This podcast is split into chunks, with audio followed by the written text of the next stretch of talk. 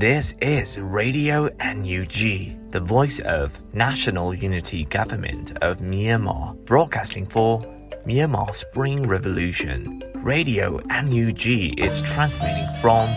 shortwave 16 meter 17.79 megahertz at 8:30 a.m. and 25 meter 11.94 megahertz at 8:30 p.m. Myanmar Standard Time. မင်္ဂလာပါခင်ဗျာ အမျိုးသားညီညွတ်ရေးအစိုးရရဲ့အတန်လွင့်ဌာန Radio NUG ကိုမနက်ပိုင်း၈နာရီခွဲမှာလိုင်းတို16မီတာစက္ကန့်တက်သမ9 MHz ညပိုင်း၈နာရီခွဲမှာလိုင်းတို25မီတာ17တက်သမ6 MHz တို့မှာဓာတ်ရိုက်ဖမ်းယူနိုင်နိုင်ပါပြီမင်္ဂလာအပေါင်းနဲ့ပြည့်စုံကြပါစေအခုချိန်ကစပြီး Radio NUG အစီအစဉ်တွေကိုဓာတ်ရိုက်အတန်မြင့်ပေးနေပါပြီ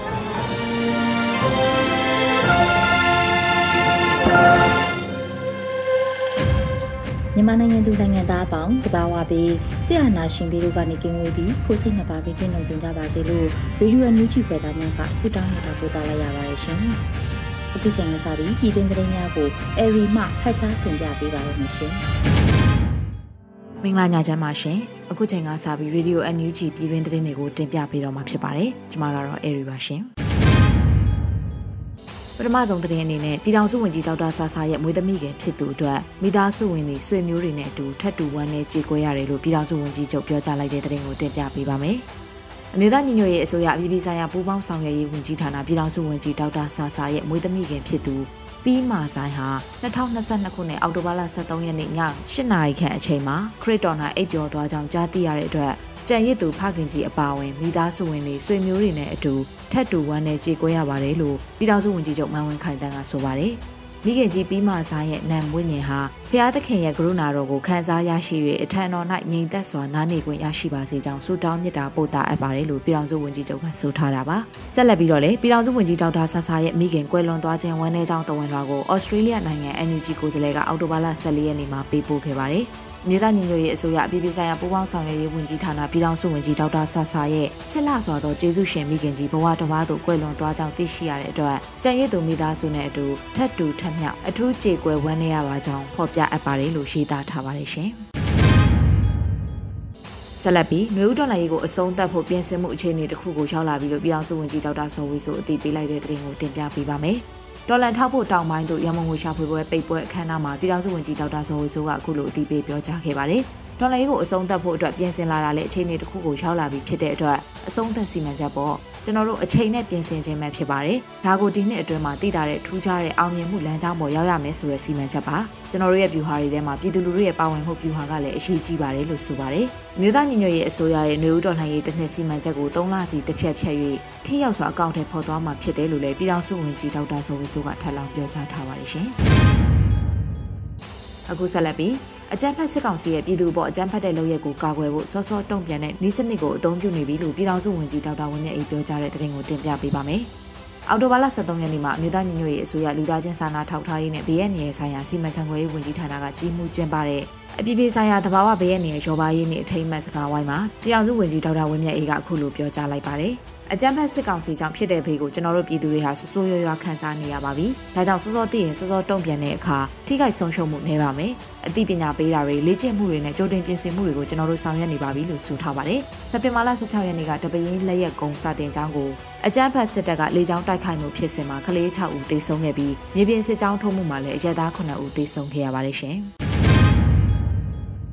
အကြမ်းဖက်စစ်တပ်ကိုဘယ်တရားရုံးမှမဆိုတရားစီရင်နိုင်တဲ့တကဘာလုံးဆိုင်ရာတရားစီရင်ပိုင်ခွင့်သဘောတရားအသုံးချမှုကိုအထူးလိုအပ်တယ်လို့တအမတ်ကြီးဦးကျော်မိုးထွန်းပြောကြားလိုက်တဲ့တဲ့တင်ကိုလည်းတင်ပြပေးပါအောင်မယ်။အော်တိုဘာလ12ရက်နေ့မှာ89ကြိမ်မြောက်ကုလသမဂ္ဂအထွေထွေညီလာခံရဲ့ဆက်ထမကော်မတီအစည်းအဝေးမှာတအမတ်ကြီးဦးကျော်မိုးထွန်းကအခုလိုပြောကြားခဲ့ပါတယ်။ လူမဆန်တဲ့စစ်တပ်အနေနဲ့စစ်ရာဇဝတ်မှုနဲ့လူသားမျိုးနွယ်ပေါ်ကျူးလွန်တဲ့ရာဇဝတ်မှုတွေအပါအဝင်နိုင်ငံတကာလူသားချင်းစာနာမှုဆိုင်ရာဥပဒေနဲ့လူ့အခွင့်အရေးတို့ကိုလည်းအဆက်မပြတ်ကျူးလွန်ရရှိကြောင်းကုလသမဂ္ဂလုံခြုံရေးကောင်စီကဲ့သို့အရေးပါတဲ့ရှိပြီးအပြည်ပြည်ဆိုင်ရာရန်ရာတစ်ခုအနေနဲ့အပြစ်မဲ့ပြည်သူတွေကိုရက်ဆက်ကြမ်းကြုတ်မှုအနေကနေအကာအကွယ်ပေးဖို့တိကျပြတ်သားတဲ့အရေးယူဆောင်ရွက်ချက်ကိုမချမှတ်နိုင်ရင်အဆိုပါမိသည့်တရားရုံးနဲ့မဆိုတရားစီရင်နိုင်တဲ့တကမ္ဘာလုံးဆိုင်ရာတရားစီရင်ပိုင်ခွင့်သဘောတရားအသုံးချမှုကိုအထူးလိုအပ်ကြောင်းပြောကြားခဲ့တာပါ။ မြန်မာနိုင်ငံရဲ့လူ့အခွင့်အရေးအခြေအနေဆိုင်ရာကုလသမဂ္ဂအထူးအစည်းအဝေးခန်းစာတင်သွင်းသူနဲ့ IIMM တို့အနေနဲ့စစ်တပ်ကကျူးလွန်ထားတဲ့အဆိုပါရက်ဆက်ကြမ်းကြုတ်မှုတွေကို၎င်းတို့ရဲ့အစည်းအဝေးခန်းစာတွေမှာတိတိပပထည့်သွင်းဖော်ပြထားခဲ့ပြီးလည်းဖြစ်ပါတယ်ရှင်။အခုဆက်လက်ပြီးဒဇယ်မြို့နယ်စင်ငယ်ရွာမှာတက်ဆွဲထားတဲ့စစ်ကောင်စီတပ်တွေနဲ့စစ်ကြောင်းထိုးလာတဲ့တပ်တွေကိုကာကွယ်ရေးတပ်တွေကပြစ်ခတ်တိုက်ခိုက်ခဲ့တဲ့တဲ့တင်ကိုလည်းတင်ပြပေးပါောင်းမယ်။ အော်တိုဘာလ23ရက်နေ့ည9:00နာရီခွဲအချိန်လောက်မှာစကိုင်းတိုင်း30မြို့နယ်စင်ငယ်ရွာမှာပြူစောတိတင်နန်းပေးဖို့တပ်ဆွဲထားတဲ့စစ်ကောင်စီတပ်တွေကိုကာကွယ်ရေးတပ်ဖွဲ့ဝင်တွေကတိုက်ခိုက်ခဲ့တယ်လို့30 KPK တပ်ဖွဲ့ကအတည်ပြုပါတယ်။ အော်တိုဘားလ23ရက်နေ့ည9:00နာရီခွဲအချိန်စင်ငယ်ရွာမှာပြူစောတိတင်နန်းပေးဖို့တပ်ဆွဲထားတဲ့စစ်ကောင်စီတပ်တတိုက်ကို KPK နဲ့ PLA တပ်ရင်းနှစ်ဖွဲ့က 81mm စိန်ပြောင်းနေနဲ့ဝင်ရောက်ပစ်ခတ်တိုက်ခိုက်ခဲ့ရမှာစစ်ကောင်စီတပ်ကထိခိုက်သေးဆုံးမှုလို့ရှိခဲ့ပါတယ်လို့ဆိုပါတယ်။အိမ်နောက်ည7:00နာရီအချိန်စင်ငယ်ရွာကနေကျွန်းတော်ကုန်းရွာဘက်ကိုစစ်ကြောင်းထိုးလာတဲ့စစ်ကောင်စီတပ်တွေကို KPK တပ်ဖွဲ့ကအသင့်ပြင်ဆင်ထားတဲ့ပရိသာတိုင်မိုင်းပရိသာဆွဲမိုင်းတွေနဲ့တိုက်ခိုက်ခဲ့ရာသေဆုံးမှုလို့ရှိနိုင်ပြီးအများပြားထိခိုက်ဒဏ်ရာရရှိသွားတယ်လို့ဆိုပါတယ်။ ပြည်သူရဲဘော်တွေဘက်ကတော့ဘေးကင်းလုံခြုံစွာနဲ့စုတ်ခွာလာနိုင်ခဲ့တယ်လို့လည်းသိရှိရပါတယ်ရှင်။ချောင်းအမြင့်လမ်းမှာကင်းပုံးဝတ်လှုပ်ရှားခဲ့တဲ့အကြမ်းဖက်စစ်တပ်အင်အား80ဝန်းကျင်ကကြေးရွာတွေကိုဝင်ရောက်တောင်းချမ်းခဲ့တဲ့တဲ့ရင်ကိုလည်းတင်ပြပေးပါအောင်မယ်။စကိုင်းတိုင်းချောင်းမြို့နယ်ချောင်းအမြင့်လမ်းမှာကင်းပုံးဝတ်လှုပ်ရှားခဲ့တဲ့အကြမ်းဖက်စစ်တပ်အင်အား80ကျော်ဝန်းကျင်ဟာဒီနေ့မနက်မှာကြေးရွာတွေကိုဝင်ရောက်တောင်းချမ်းခဲ့တယ်လို့သတင်းရရှိပါတယ်။ ဒီနေ့မနေ့အစောပိုင်းကစလို့ချောင်းမြို့ရဲ့တောင်ဘက်ကိုစစ်ကြောင်းထိုးခဲ့ပြီးမှန်ချိုကျေးရွာမှာရောက်ရှိနေပြီးတနက်တွေနဲ့ပြစ်ခတ်ခဲ့ပါတယ်လို့ဆိုပါတယ်အဆိုပါစစ်ကြောင်းကစစ်ကြောင်းထိုးမှုကြောင့်အောက်တိုဘာလ23ရက်နေ့ညနေပိုင်းကချောင်းမြို့ရဲလေရက်ကွက်ကပြည်သူတွေဘေးလွတ်ရာကိုတိမ်းရှောင်ခဲ့ရတယ်လို့လည်းသိရှိရပါတယ်ရှင်ဆက်လက်ပြီးကြိုက်ထီယိုဖျားတောင်တက်ခဲ့အနီးပြစ်ခတ်မှုဖြစ်စဉ်အမှန်မှာအကြံဖက်စစ်တပ်က40မမလက်နက်ကြီးနဲ့ရန်တမ်းပြစ်ခတ်လို့တိုက်ဆုံခဲ့တာလို့ဖွင့်ချပြောဆိုတဲ့သတင်းကိုတင်ပြပေးပါမယ်။ အော်တိုဘာလ14ရက်နေ့မှာဆက်သွယ်မေးမြန်းရမှာတထုံ TPDF ကအခုလိုအတည်ပြုပြောဆိုခဲ့ပါတယ်။ကြိုက်တီယိုဖျားတောင်တက်ကအင်းပြစ်ခတ်မှုဖြစ်စဉ်မှာတိုက်ပွဲဖော်ဆောင်တာကတော့ကျွန်တော်တို့တပ်ဖွဲ့မဟုတ်ပါဘူး။ဒါပေမဲ့သိရတာကတော့တော်လန်ရေးအဖွဲ့တွေကစစ်တပ်နဲ့ရဲကင်းနဲ့ဂိတ်ကိုပစ်တာပါ။ပြစ်ခတ်ချိန်က15မိနစ်ဝန်းကျင်မှာပဲအဲ့ဒီအချိန်ထိသူတို့ပြန်မပစ်နိုင်ဘူးလို့သိရပါတယ်။တော်လန်ရေးအဖွဲ့တွေပြန်သွားတော့မှသူတို့ကလက်နက်ငယ်တွေ 40mm နဲ့ပစ်တာပါ။ပြည်သူတွေမှန်တာ 40mm အစတွေမှန်တာပါလို့ဆိုထားပါတယ်။ အဆိုပါပြစ်ခတ်မှုဖြစ်ပွားရာအနီးတစ်ဝိုက်မှာ CCTV မှတ်တမ်းတွေရှိပေမဲ့လည်းအကြမ်းဖက်စစ်တပ်အနေနဲ့ထုတ်မပြရဲပဲရဲနဲ့စစ်တပ်ဂိတ်ကို15မိနစ်ကြာပြစ်ခတ်သွားတဲ့တော်လိုင်းအင်အားစုအပေါ်ပုံချပြောဆိုနေတာဖြစ်ပါတယ်။အဲ့မှာ CCTV တွေရှိတယ်လို့သိရပါတယ်။ CCTV မှတ်တမ်းတွေကိုထုတ်မပြရဲတာကသူတို့အမှားဖြစ်နေလို့ပါခင်ဗျာလို့တထုံ TPDF ကဆိုပါတယ်။မွန်ပြည်နယ်ကြိုက်ထုံမြို့နယ်ကင်မွန်စခန်းကင်မွန်ကျောင်းကျေးရွာနီးကြိုက်ထီယိုဖျားတောင်တက်ခိတ်မှာအော်တိုဘာလ12ရက်နေ့ပြစ်ခတ်မှုဖြစ်စဉ်အတွင်းအရက်သား3ဦးသေဆုံးခဲ့ရပါတယ်ရှင်။ အခုဆက်လက်ပြီးပြည်သူတပ်တွေအထိခိုက်နေနေနဲ့အောင်ပွဲကြီးတွေရစေဖို့အတွက်မိကုံရန်ကုန်ထောက်ပံ့ပေးကြဖို့ United Bond ကတိုက်တွန်းလိုက်တဲ့သတင်းကိုတင်ပြပေးပါမယ်။အော်တိုဘာလ23ရက်နေ့မှာ United Bond ကဒေါ်လာရင်းနဲ့ပတ်သက်လို့အခုလိုဆိုလိုက်ပါတယ်။စူးစီးမှုဥဆောင်မှုလက်တွဲမှုလေ့ကျင့်မှုအင်အားပြည့်စုံနေပြီဖြစ်တဲ့ပြည်သူတပ်တွေအောင်ပွဲရဖို့ရန်မှာအဆက်မပြတ်တဟုန်တို့ထိုးစစ်စင်ရင်တမျိုးပြီးတမျိုးသိမ့်ပိုက်ရမှာပြည်သူလူထုကပူးပေါင်းပါဝင်ရင်ဒေါ်လာရင်းအရှိန်မကျခါဆက်မပြတ်စေဖို့လိုအပ်တဲ့ထောက်ပို့မှုတွေကိုအင်တိုက်အားတိုက်စားတဲ့တပူကူညီပေးကြရန်သာဖြစ်ပါတယ်။ ပြည်သူတပ်တွေအထိခိုက်နေနေနဲ့အောင်ပွဲကြီးတွေရစီဖို့အတွက်နောက်ဆုံးစစ်ပွဲကြီးမှာမိကုံရန်ကုန်ထောက်ပံ့ပေးကြဖို့တိုက်တွန်းလိုပါတယ်လို့ဆိုထားပါတယ်။ပြည်သူတွေအနေနဲ့ EOD share ငွေတိုက်စာချုပ်နှွေဦးအိမ်ယာတွေကိုထပ်မံဝယ်ယူထောက်ပို့ကြရင် click လုပ်ခြင်းတခြားနည်းလမ်းတွေနဲ့ထောက်ပို့ခြင်းတွေနဲ့နှွေဦးတော်လှန်ရေးရဲ့အောင်ပွဲကိုတပြည်လုံးအတူတကွရယူကြဖို့လိုအပ်တယ်လို့လည်းဆိုထားပါတယ်ရှင်။လက်ရှိမှာအထူးငွေတိုက်စာချုပ်တွေကို American Dollar 100တန်ကစလို့9000တန်အထိရောင်းချပေးလျက်ရှိနေပါတယ်။ အခုတင်ပြပေးခဲ့တဲ့သတင်းတွေကိုတော့ Radio NUG သတင်းတောင်မင်းမင်းကပေးပို့ထားတာဖြစ်ပါတယ်ရှင်။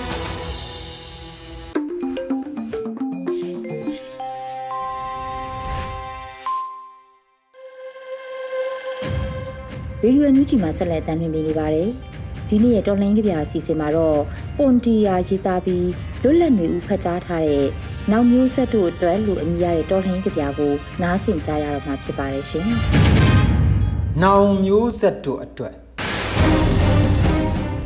အကြောင်းမှန်တော့လဲတကြော့ပြန်ဒေါင်းအလှန်တွေလေထဲ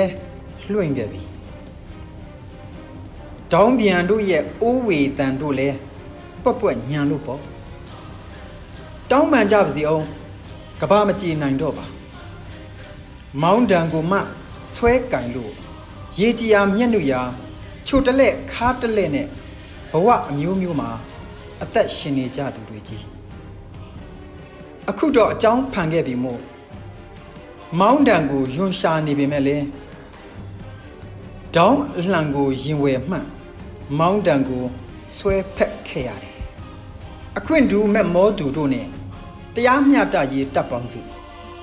အဘယ်ဘက်ဟာတမာတရားဆိုတာပြေးမကြည့်လေနဲ့တွေးကြည့်တာနဲ့ပင်ယုံကိုပိုင်တဲ့ကိုအသက်အတွက် ကိုပိုင်တဲ့ပြည်သူအတွက်ကိုပိုင်တဲ့ကိုတိုင်းပြည်အတွက်ကာကွယ်ရေးတတ်တယ်ပြည်သူကာကွယ်ရေးတတ်တယ်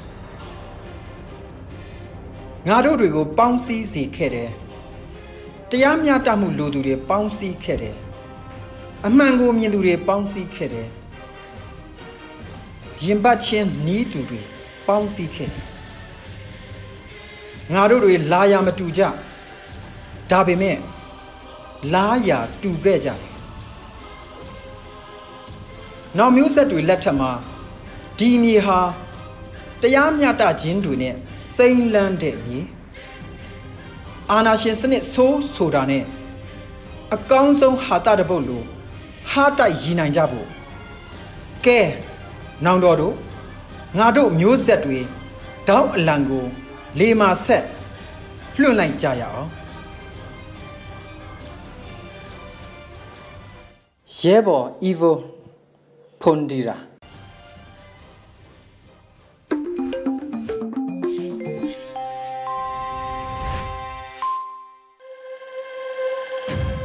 ဒီနေ့ရဲ့လူခွင့်ရေးစကားသံစီစဉ်မှာတော့လူခွင့်ရေးဆိုင်ရာဝန်ကြီးဦးအောင်မျိုးမင်းရဲ့ပြည်သူအခွင့်အရေးများလို့အမည်ရတဲ့လူခွင့်ရေးစကားသံကိုနားဆင်ကြရတော့မှာဖြစ်ပါရဲ့ရှင်။ဖွဲ့စည်းပုံအခြေခံတရက်မှာလူခွင့်နဲ့ပတ်သက်လို့ဘလောက်ထိ တန်မိုးထားလဲဆိုတဲ့အချက်ကိုတိုင်းတာတဲ့နေရာမှာလူခွေအမျိုးအစားတွေအားလုံးကိုတိတိကျကျပြည့်ပြည့်စုံစုံပါဝင်မှုလိုအပ်တယ်ဆိုတဲ့အကြောင်းတင်ပြခဲ့ပါတယ်။ဖွဲ့စည်းပုံအခြေခံဥပဒေမှာပါဝင်တဲ့လူခွင့်ဆိုတာသူ့ရဲ့သဘောတဘာဝအရကွဲပြားလေးရှိတဲ့ပြည်သူရေးရာအခွင့်အရေး civil rights နိုင်ငံရေးမှာပါဝင်ခွင့် political rights စီးပွားရေးလူမှုရေးယဉ်ကျေးမှုဆိုင်ရာအခွင့်အရေးရရှိပိုင်ခွင့် economic social culture rights ဆိုတာပါဝင်ရမယ်လို့တင်ပြထားတဲ့ချိန်မှာ civil right လို့ခေါ်တဲ့ပြည်သူရေးရအခွင့်အရေးဆိုတာဘာလဲဒါလေးကိုရှင်းပြချင်ပါတယ် civil right ပြည်သူရေးရအခွင့်အရေးဆိုတာတော့လူတဦးချင်းတဦးချင်းတယောက်ချင်းမှာသူ့ရဲ့လွတ်လပ်ခွင့်နေအခွင့်အရေးတွေကိုတခြားဘသူကမှစိတ်ထင်တိုင်းလာပြီးကန့်တက်တာတွေချုပ်ချယ်တာတွေပိတ်ပင်တာတွေဒါမှမဟုတ်လို့ရှိရင်ဒီအခွင့်အရေးတွေကျင့်သုံးမှုကြောင့် အရေးယူတာတွေမရှိဖို့တားဆီးထားတဲ့အခွင့်အရေးကိုဆိုလိုပါတယ်ဒီအခွင့်အရေးတွေကိုအစိုးရကလည်းလှုပ်ဆောင်ပိုင်ခွင့်မရှိပါဘူးအစိုးရမဟုတ်တဲ့အဖွဲ့တွေကလည်းလှုပ်ဆောင်ပိုင်ခွင့်မရှိပါဘူးအဲ့တော့ဒီအချက်တွေကိုကျွန်တော်တို့ဖွဲ့စည်းပုံအခြေခံဥပဒေမှာဘယ်လောက်ထိအတိမတ်ပြုထားလဲဒါနဲ့ပတ်သက်ပြီးတော့ကာကွယ်နိုင်မှုလေးစားခွင့်နေဘယ်လိုမျိုးလှုပ်ဆောင်ထားလဲဆိုတဲ့အချက်ကအရေးကြီးပါတယ်ကျွန်တော်တို့လိုလားတောင်းတနေတဲ့လက်လက်စွာထုတ်ဖော်ပြောဆိုခွင့်ဆိုတာ ပြည်သူရေးရာအခွင့်အရေးအမျိုးအစားတွေကတစ်ခုဖြစ်ပါတယ်အဲ့တော့ဒါမျိုးလွတ်လပ်စွာထုတ်ဖော်ပြောဆိုခွင့်ကိုအစိုးရရဲ့ဖွဲ့စည်းပုံအခြေခံဥပဒေထဲမှာဘလောက်ထိအတိမတ်ပြုထားလဲဘလောက်ထိကာကွယ်ပေးထားလဲဆိုတဲ့အချက်ကိုကျွန်တော်စမ်းစစ်နိုင်ပါတယ်ဒါအပြင်နိုင်ငံရဲ့ဥပဒေပြုမှုကဏ္ဍထဲမှာလွတ်လပ်စွာထုတ်ဖော်ပြောဆိုခွင့်ကိုအတိမတ်ပြုတဲ့ဥပဒေတွေဘလောက်ထိရှိပါလဲလွတ်လပ်စွာထုတ်ဖော်ပြောဆိုခွင့်ကိုကန့်သက်ဖိတ်ပင်နဲ့ဥပဒေစိုးတွေရောဘလောက်ထိရှိပါလဲ ဒါတွေကိုကျွန်တော်တို့ကြည့်နိုင်ပါတယ်ဒါအပြင်လွတ်လပ်စွာထုတ်ဖော်ပြောဆိုမှုကိုခွင့်ပြုတဲ့ဥပဒေမဲ့လုပ်ရက်တွေဘယ်လောက်ထိရှိနေလဲလွတ်လပ်စွာထုတ်ဖော်ပြောဆိုမှုကိုခွင့်ပြုတဲ့လုပ်ရက်တွေဘယ်လောက်ထိရှိလဲဒါတွေကကျွန်တော်တို့ဒီပြည်သူရေးရာဆိုင်ရာအခွင့်အရေးကိုလေ့လာနိုင်တဲ့စမ်းစစ်နိုင်တဲ့တန်ဖိုးဖြတ်နိုင်သောအကြောင်းအရာတစ်ခုဖြစ်ပါတယ်ဖွဲ့စည်းပုံအခြေခံဥပဒေတွင်မှာပြည်သူရေးရာအခွင့်အရေးနဲ့ပတ်သက်လို့နေရာနှမျိုးမှာတွေ့နိုင်ပါတယ် ဒါကတော့ပထမဦးဆုံးမူဝါဒလို့ဆိုတဲ့အပိုင်းမှာဖွဲ့စည်းပုံအခြေခံဥပဒေသတ်မှတ်ထားတဲ့မူဝါဒထဲမှာလူခွင့်ရေးကိုဘယ်လောက်ထိလေးစားမလဲဆိုတဲ့မူဝါဒတွေမကဘဲနဲ့ဘသူ့ကိုမှခွဲခြားဖိနှိပ်မှုမရှိရဘူးဒန်းတူညီမျှမှုပေးရမယ်ဆိုတဲ့အချက်ဘယ်လောက်ထိပါဝင်လဲဒါလေးကကျွန်တော်ထည့်သွင်းစဉ်းစားမယ့်ချက်ဖြစ်ပါတယ်လူတိုင်းလူတိုင်းခံစား권ရှိတဲ့ပြည်သူရေးရာအခွင့်အရေးတွေကိုလူတိုင်းခံစားနိုင်မှုဘာသာမရွေးလူမျိုးမရွေးကြားမှမရွေးဘာသာစကားမရွေးပဲနဲ့ ဒါမှမဟုတ်လိန်စိတ်ကွဲပြားမှုမရွေးနော်ကြားမှခွဲခြားမှုမရွေးပဲနဲ့ဘလောက်ထိခံစား권ပြုလဲဆိုတဲ့အချက်ကပထမဦးဆုံးကျွန်တော်စမ်းစစ်နိုင်တဲ့အချက်တစ်ခုဖြစ်ပါတယ်နောက်ထပ်တစ်ခုကတော့ဖွဲ့စည်းပုံအခြေခံဥပဒေမှာပါလစ်ပါလိုက်ရှိတဲ့လူတိုင်းခံစား권ရှိသော အခြေခံအခွင့်အရေးဆိုတဲ့ခြေတွေမှာပြည်သူရေးရာဆိုင်ရာအခွင့်အရေးတွေဖြစ်တဲ့အသက်ရှင်ခွင့်ဥပဒေရဲ့အကူအညီကိုရယူပိုင်ခွင့်တရားစီရင်မှုက ညှတတဲ့တရားစီရင်မှုခံယူပိုင်ခွင့်လွတ်လပ်စွာယုံကြည်ကိုးကွယ်ခွင့်လွတ်လပ်စွာထုတ်ဖော်ပြောဆိုခွင့်အသင်းဖွဲ့ဖွဲ့စည်းခွင့်ပုဂ္ဂလိကလုံခြုံမှုကိုလေးစားကာကွယ်မှုဘယ်လောက်ထိရှိလဲမတရားဖန်ဆီးခြင်းကြုံပြုခြင်းဒါတွေရောဘယ်လိုမျိုးတားဆီးထားလဲဘယ်လောက်ထိဖော်ပြထားလဲဆိုတဲ့အချက်နဲ့ကျွန်တော်တိုင်းတာနိုင်ပါတယ်အဲဒီတော့တကယ်လို့ဖွဲ့စည်းပုံအခြေခံဥပဒေတွင်မှာပြည်သူ့ရေရာဆိုင်ရာအခွင့်အရေးတွေကိုဥပဒေပြဋ္ဌာန်းရေးမှာဘယ်လောက်ထိသူတို့ခွင့်ပြုထားလဲ ဥပဒေပြဋ္ဌာန်းပြီးတော့ပြည်သူလူထုရဲ့လွတ်လပ်စွာယုံကြည်ကိုယ်ခွင့်နေထုတ်ဖော်ပြောဆိုခွင့်နေစုဝေးခွင့်တွေကိုဘယ်လောက်ထိခွင့်ပြုထားလဲဆိုတဲ့အချက်ကိုဖွဲ့စည်းပုံအခြေခံဥပဒေရဲ့လုတ်ပိုင်ခွင့်ထဲမှာကျွန်တော်တို့ပြဋ္ဌာန်းလေ့လာနိုင်ပါတယ်နောက်တစ်ခုကတော့ဒီလိုမျိုးခွင့်ရပြဋ္ဌာန်းတဲ့အချိန်မှာနိုင်ငံသားဒီမကတော့ပဲနဲ့ပြည်တွင်းမှာရှိတဲ့လူတွေအားလုံးဒန်းတူညီမျှစွာခံစားပိုင်ခွင့်ရှိလားမရှိလားဘယ်လောက်ထိခွင့်ပြုထားလဲဆိုတဲ့အချက်ကိုလေ့လာနိုင်ပါတယ် ဖွဲ့စည်းပုံအခြေခံဥပဒေမှာရောဒီအချက်တွေတကယ်လို့ချိုးဖောက်ခံရရင်အရေးယူတိုင်ကြားနိုင်တဲ့ရန်နေရတွေဖွဲ့စည်းခွင့်နေတိုင်ကြားခွင့်နေသက်ဆိုင်ရာတာဝန်ရှိတဲ့သူကိုထိုက်တဲ့လို့အရေးယူတဲ့စနစ်တွေဘယ်လောက်ထိရှိလဲဒါနဲ့ကျွန်တော်တိုင်းတာနိုင်ပါတယ်တစ်ချိန်တည်းမှာပဲပြည်သူလူထုကြားထဲမှာတချို့သောသူတွေကပုံမှုခွဲခြားခံရတာပိတ်ပင်ခံရတာရှိပါတယ်လူမျိုးစုလိုက်ဖြစ်ပါစေဘာသာရေးကြောင့်ဖြစ်ပါစေ ကြားမှကွဲပြားမှုကြောင့်ဖြစ်ပါစေလိန်စိတ်ကွဲပြားမှုကြောင့်ဖြစ်ပါစေတိုင်းရင်းသားဖြစ်တဲ့အတွက်ကြောင့်မလို့ခွဲခြားမှုတွေရှိနိုင်တဲ့အတွက်အဲ့လိုလူတွေနဲ့ပတ်သက်ပြီးတော့အထူးဥပဒေတွေရောပြဋ္ဌာန်းခွင့်အထူးဥပဒေတွေကိုကျင့်သုံးဝင်ကောဖွဲ့စည်းပုံအခြေခံဥပဒေမှာလုတ်ပိုင်ခွင့်ပေးထားလားဒီအချက်ကိုကျွန်တော်တို့ကြည့်ဖို့လိုအပ်ပါတယ်ဒါကြောင့်မလို့ဖွဲ့စည်းပုံအခြေခံဥပဒေတွေမှာပြည်သူရေးရာဆိုင်ရာအခွင့်အရေးတွေကိုဥပဒေပြုမှုမှာဘယ်လောက်ထိခွင့်ပြုထားလဲတရားစီရင်တဲ့အချိန်မှာအပြစ်ပေးအရေးယူတဲ့သူတွေကို ဘယ်လောက်ထိအရေးယူပိုင်ခွင့်ပေးထားလဲဒီအချက်တွေကအရေးကြီးတာဖြစ်တဲ့အတွက်ဖွဲ့စည်းပုံအခြေခံဥပဒေတွေမှာရှိတဲ့ပြည်သူရေးရာအခွင့်အရေးတွေဘယ်လောက်ထိခွင့်ပြုထားလဲဘယ်လောက်ထိခိုင်မာမှုရှိလဲဘယ်လောက်ထိအာမခံပေးထားလဲမကပဲချိုးဖောက်တဲ့ခါမှာချိုးဖောက်ခံရရင်ဘလိုမျိုးပုံစံမျိုးနဲ့အရေးယူဆောင်ရွက်နိုင်တယ်ဆိုတဲ့လုပ်ငန်းစဉ်တွေကဖွဲ့စည်းပုံတရက်အတွင်းမှာမဖြစ်မနေပါရမယ်အကြောင်းအရာတွေပဲဖြစ်ပါတယ်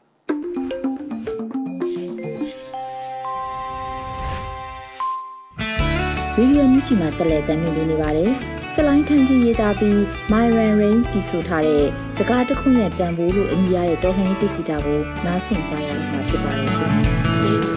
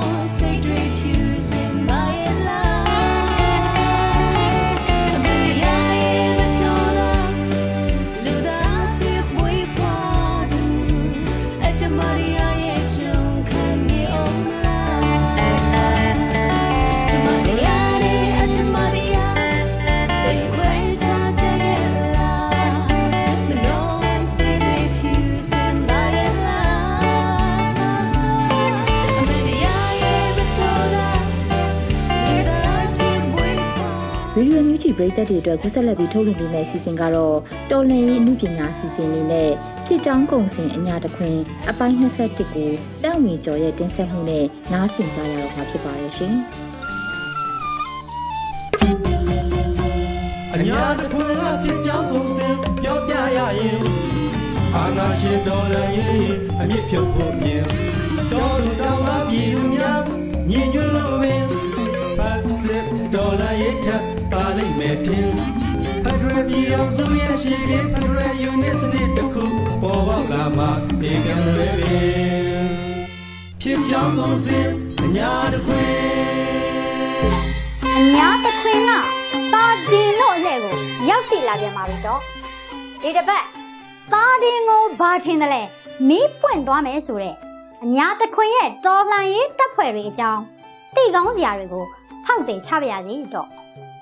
အများစုကတော်လှန်ရေးတပ်တွေလက်နက်ကင်တပ်တွေဆိုရင် PDF ပဲထင်ကြပေမဲ့တကယ်တော့အမျိုးအစားမတူကြတဲ့လက်နက်ကင်အဖွဲ့တွေအညာတခွင်မှာအမျိုးမျိုးရှိကြပါတယ်တော့ဟမ်မင်းတို့ကလည်းရှောက်လိုက်တာလို့တော့လာမပြောပါနဲ့တော့တကယ်တော့ဒီလက်နက်ကင်အဖွဲ့တွေဟာကွဲကျင်လို့ကွဲနေတာမဟုတ်ပါဘူးတော့ကွဲပြားတဲ့တာဝန်တွေကိုထမ်းဆောင်နေကြတာပါတော့ လင်းစမ်းပြရပြီတော့ PDF ဒါကတော့အများတစ်ခွင်မှာတိုင်ရင်တပ်ဖွဲ့တွေနဲ့စနစ်တကျဖွဲ့စည်းထားတဲ့ MOD လက်အောက်ခံလက်နက်ကင်အဖွဲ့တွေကိုခေါ်တဲ့နာမည်ပါသူတို့ရဲ့တာဝန်ကတော့အညာဒေတာမှာမဟုတ်ဘဲစစ်ဒေတာတစ်ခုလုံးလှဲ့လေစစ်ကြောင်းထိုးပြီးအကြမ်းဖက်စစ်ကောင်စီရန်ကနေကာကွယ်ဖို့ခုခံတော်လန်စစ်ကိုစနစ်တကျပြင်ဆင်ရတဲ့တာဝန်ကိုယူထားရပါတယ်တော့ ဘဟိုစစ်ဒေတာကုကဲရဲ့အမိတ်နဲ့ပဲဆောင်ရွက်ရတာဖြစ်လို့တိုက်ပွဲတွေရဲ့အနီးနားမှာရှိပေမဲ့အမိတ်မရရင်ဝင်တိုက်လို့မရပါဘူးအမိတ်ရရင်လဲလိုအပ်ရင်လိုအပ်တယ်လို့စနစ်တကျဗျူဟာချပြီးတိုက်ပွဲဝင်ကြရပါတယ်တော့အညာဒေတာရဲ့တချို့နေရာတွေမှာဒီ PDF တပ်ရင်းတွေဟာအမိတ်စီးဆင်းမှုစနစ်တကျနဲ့လှုပ်ဆောင်နေနိုင်ပြီဖြစ်ပေမဲ့အချို့ဒေသတွေမှာတော့လူသူအင်အားကောင်းနေနဲ့ လက်နက်အင်အားနှဲပါနေသေးပဲဖြစ်ပါတယ်။မကြခင်ဤသူထောက်ခံမှုတွေနဲ့အတူလက်နက်ခဲယမ်းတွေပုံမိုတက်ဆင်လာနိုင်တော့မဲ့အဖွဲ့ပါပဲတော့ LDF Local Defense Force လို့ခေါ်ကြတဲ့ LDF တွေကတော့ဒေသကြေးရွာကာကွယ်ရေးအတွက်ကိုထူကိုထဖွဲ့စည်းထားကြတဲ့အဖွဲ့တွေဖြစ်ပါတယ်။ဒေသကာကွယ်ရေးအဖွဲ့တွေဆိုလို့လဲအချင်းတော့မသိလိုက်ပါနဲ့တော့ လက်ရှိအညာဒေတာမှာလက်တံပြောင်ပြောင်နဲ့မိုင်းတွေဆွဲတိုက်ပွဲတွေဝင် PDF တွေစစ်ကြောင်းမှာထိတ်ဆက်ဆောင်ရွက်တည်င်းထောက်လန့်လောက်ဆောင်နေကြသူတွေဟာအဲ့ဒီ LDF တွေပဲဖြစ်ပါတယ် MOD ရဲ့ဓာတ်ရိုက်ကုတ်ကဲမှုအောက်မှာမရှိပေမဲ့ပူးပေါင်းလောက်ဆောင်မှုတွေရှိကြပါတယ်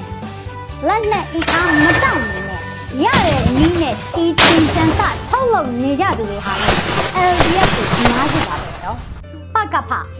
ပကဖကတော့ပြည်သူ့ကာကွယ်ရေးအဖွဲ့ဖြစ်ပါတယ်သူဟာ PDF မဟုတ်ပေမဲ့ဒေတာရင်းကာကွယ်ရေးဒေတာကန်တပ်ဖွဲ့တွေနဲ့ချိတ်ဆက်ညှိနှိုင်းဆောင်ရွက်ရေးစစ်ကြောင်းချိုးလာတဲ့ရန်သူကိုစနစ်တကျခုခံတွန်းလှန်နိုင်ရေးတို့အတွက်ဖွဲ့စည်းထားတဲ့လက်နက်ကင်တပ်ဖွဲ့ပဲဖြစ်ပါတယ်ပကဖနဲ့ PDF ပကဖနဲ့ LDF တို့ဟာဒွေးစောရှက်တွေရှိနေပြီးလုပ်ငန်းတာဝန်တွေမပြတ်သားသေးတဲ့ကိစ္စတွေရှိပေမဲ့ကိစ္စခန်းတွေကျေးရွာဒေသတွေမှာအထိုင်ရှိနေတတ်တဲ့လက်နက်ကင်တပ်ဖွဲ့တွေဟာပကဖတွေကများပါတယ်တော့ရရွာဒေသနဲ့ပတ်သက်တဲ့ကိစ္စဝဝကိုဆောင်ရွက်သူတွေကလည်းပကဖတွေများပါတယ်ပကဖရဲ့တာဝန်ဟာတိုက်ပွဲတွေတိုက်ခိုက်ဖို့မဟုတ်ဘူးမဲ့ လိုအပ်ချက်အရာတိုက်ပွဲဝင်ရတာတွေလည်းရှိနေပြန်ပါတယ်ပကဖဟာလုပ်ငန်းတာဝန်အရှုပ်ထွေးဆုံးလက်နက်ကင်အဖွဲ့ဖြစ်ပြီးပုံမတိကျတဲ့လုပ်ငန်းတာဝန်တွေချမှတ်ပေးနိုင်ဖို့ NUG ကာကွယ်ရေးဝန်ကြီးဌာနကကြိုးပမ်းနေပါတယ်နောက်တစ်ဖွဲ့ကတော့ပလဖပါဒါကတော့ရက်ရွာကာကွယ်ရေးပုံစံဖွဲ့စည်းထားတဲ့ဗရေတပ်ဖွဲ့တွေပဲဖြစ်ပါတယ်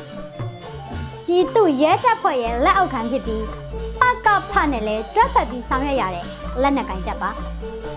NUG ရဲတပ်ဖွဲ့ကနေရာတိုင်းမှာမရှိတဲ့အတွက်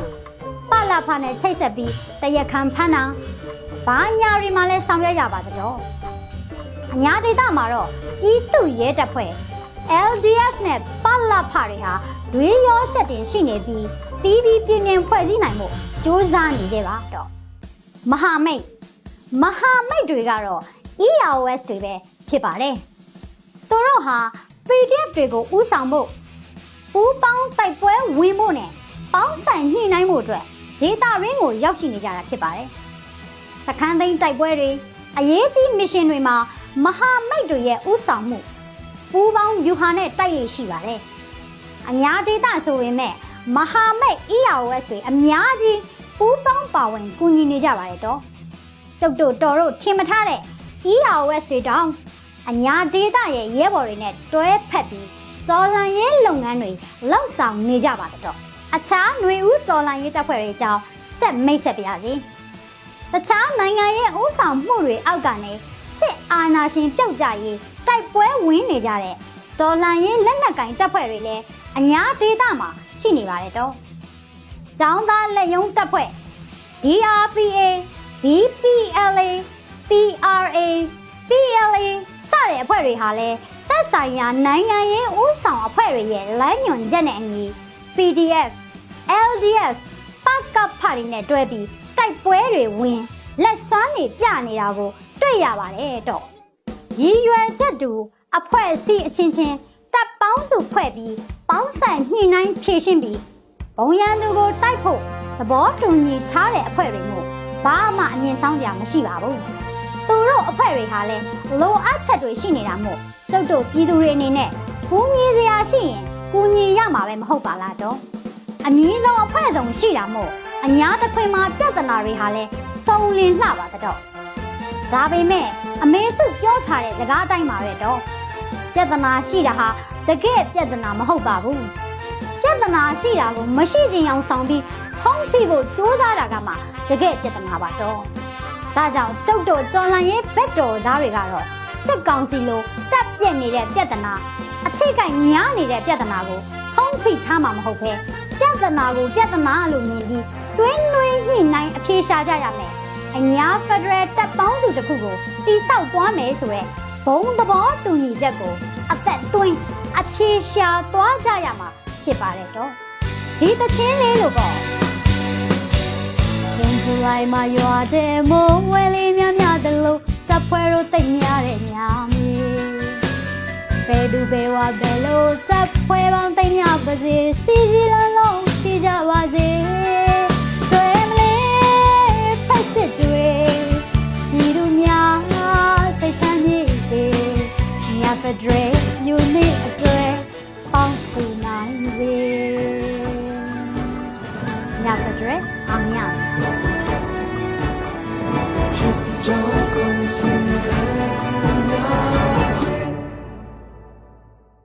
ဒီကနေ့ကတော့ဒီညနေပဲ Radio NUG ရဲ့အစည်းအဝေးကိုခਿੱတရနာလိုက်ပါမယ်မြန်မာစံတော်ချိန်မနက်၈နာရီခွဲနဲ့ည၈နာရီခွဲအချိန်တွေမှာပြန်လည်ဆုံးဖြတ်ကြပါစို့ Radio NUG ကိုမနက်ပိုင်း၈နာရီခွဲမှာလိုင်းဒို16မီတာစက္ကန့်တသမ9 MHz ညပိုင်း၈နာရီခွဲမှာလိုင်းဒို25မီတာ17တသမ6 MHz တို့မှာ ဓာတ်ရိုက်ဖမ်းယူနားဆင်နိုင်ပါပြီမြန်မာနိုင်ငံသူနိုင်ငံသားများကိုယ်စိတ်နှပြကျန်းမာချမ်းသာလို့ဘေးကင်းလုံခြုံကြပါစေလို့ Radio NUG အဖွဲ့သူအဖွဲ့သားများကဆုတောင်းလိုက်ရပါတယ်။အမျိုးသားညီညွတ်ရေးအစိုးရရဲ့စက်သွေးရေးတရင်အချက်အလက်နဲ့ဤပညာဝန်ကြီးဌာနကထုတ်လွှင့်နေတဲ့ Radio NUG ဖြစ်ပါတယ်။ San Francisco Bay Area အခြေစိုက်မြန်မာမိသားစုများနဲ့နိုင်ငံတကာကစေတနာရှင်များလုပ်အားပေးများရဲ့ Radio NUG ဖြစ်ပါတယ်။အရေးတော်ပုံ အောင်ရမည်